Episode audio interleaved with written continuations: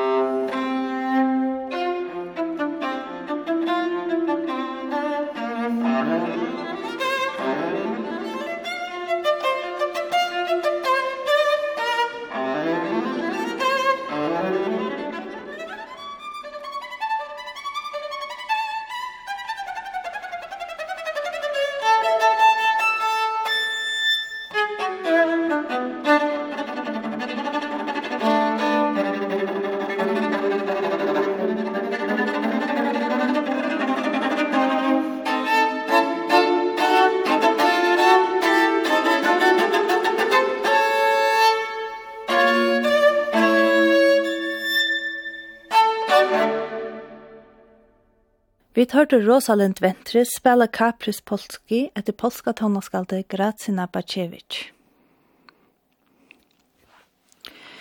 Vi tar atter til cellospelaren Bruno Philipp, og Heso fer for han å spela en cellosonatu etter Francis Poulenc.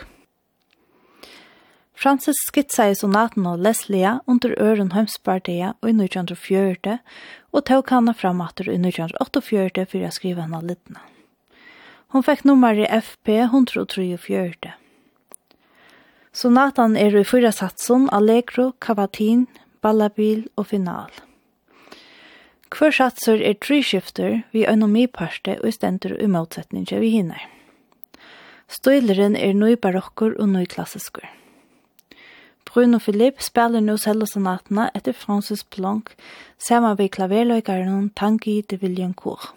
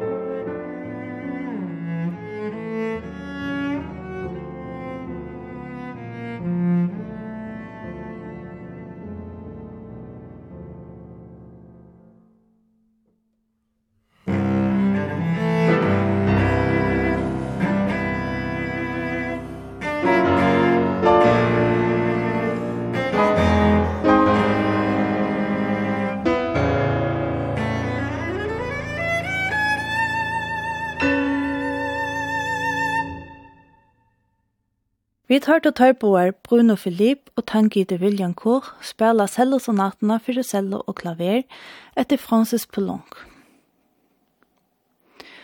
Arvo Perst skriva i 2014 stykje Sekventia for violins, leversk og strudjorkester. Ta særlige og hjertanemmande ved tonløysene til Arvo Perst er etter munnen tidsje at utgangsstøye er stidle og rumlighet. Ta rådliga, simpla og spekelige rørslunar hava plåss at vera. Særliga holeie og stikkjennom blir lagt lukka fra fyrsta tånanon fra en huar bjøtlo, her djøkno skikter vi prat og leser tånar fra strukarenon koma og i hølnon av tøy. Grundarleie og stikkjennom er den harfina fatlande violinlinjan og er sett saman av tre tånen. Imso bølganer og orkestren om fyllt hese linjo, som en prolasjonskanon og refererer til heldur strenga komposisjonshotten og i renessanse tonløyge. Spelestøyleren og jeg som stikker er bøyner og klarer.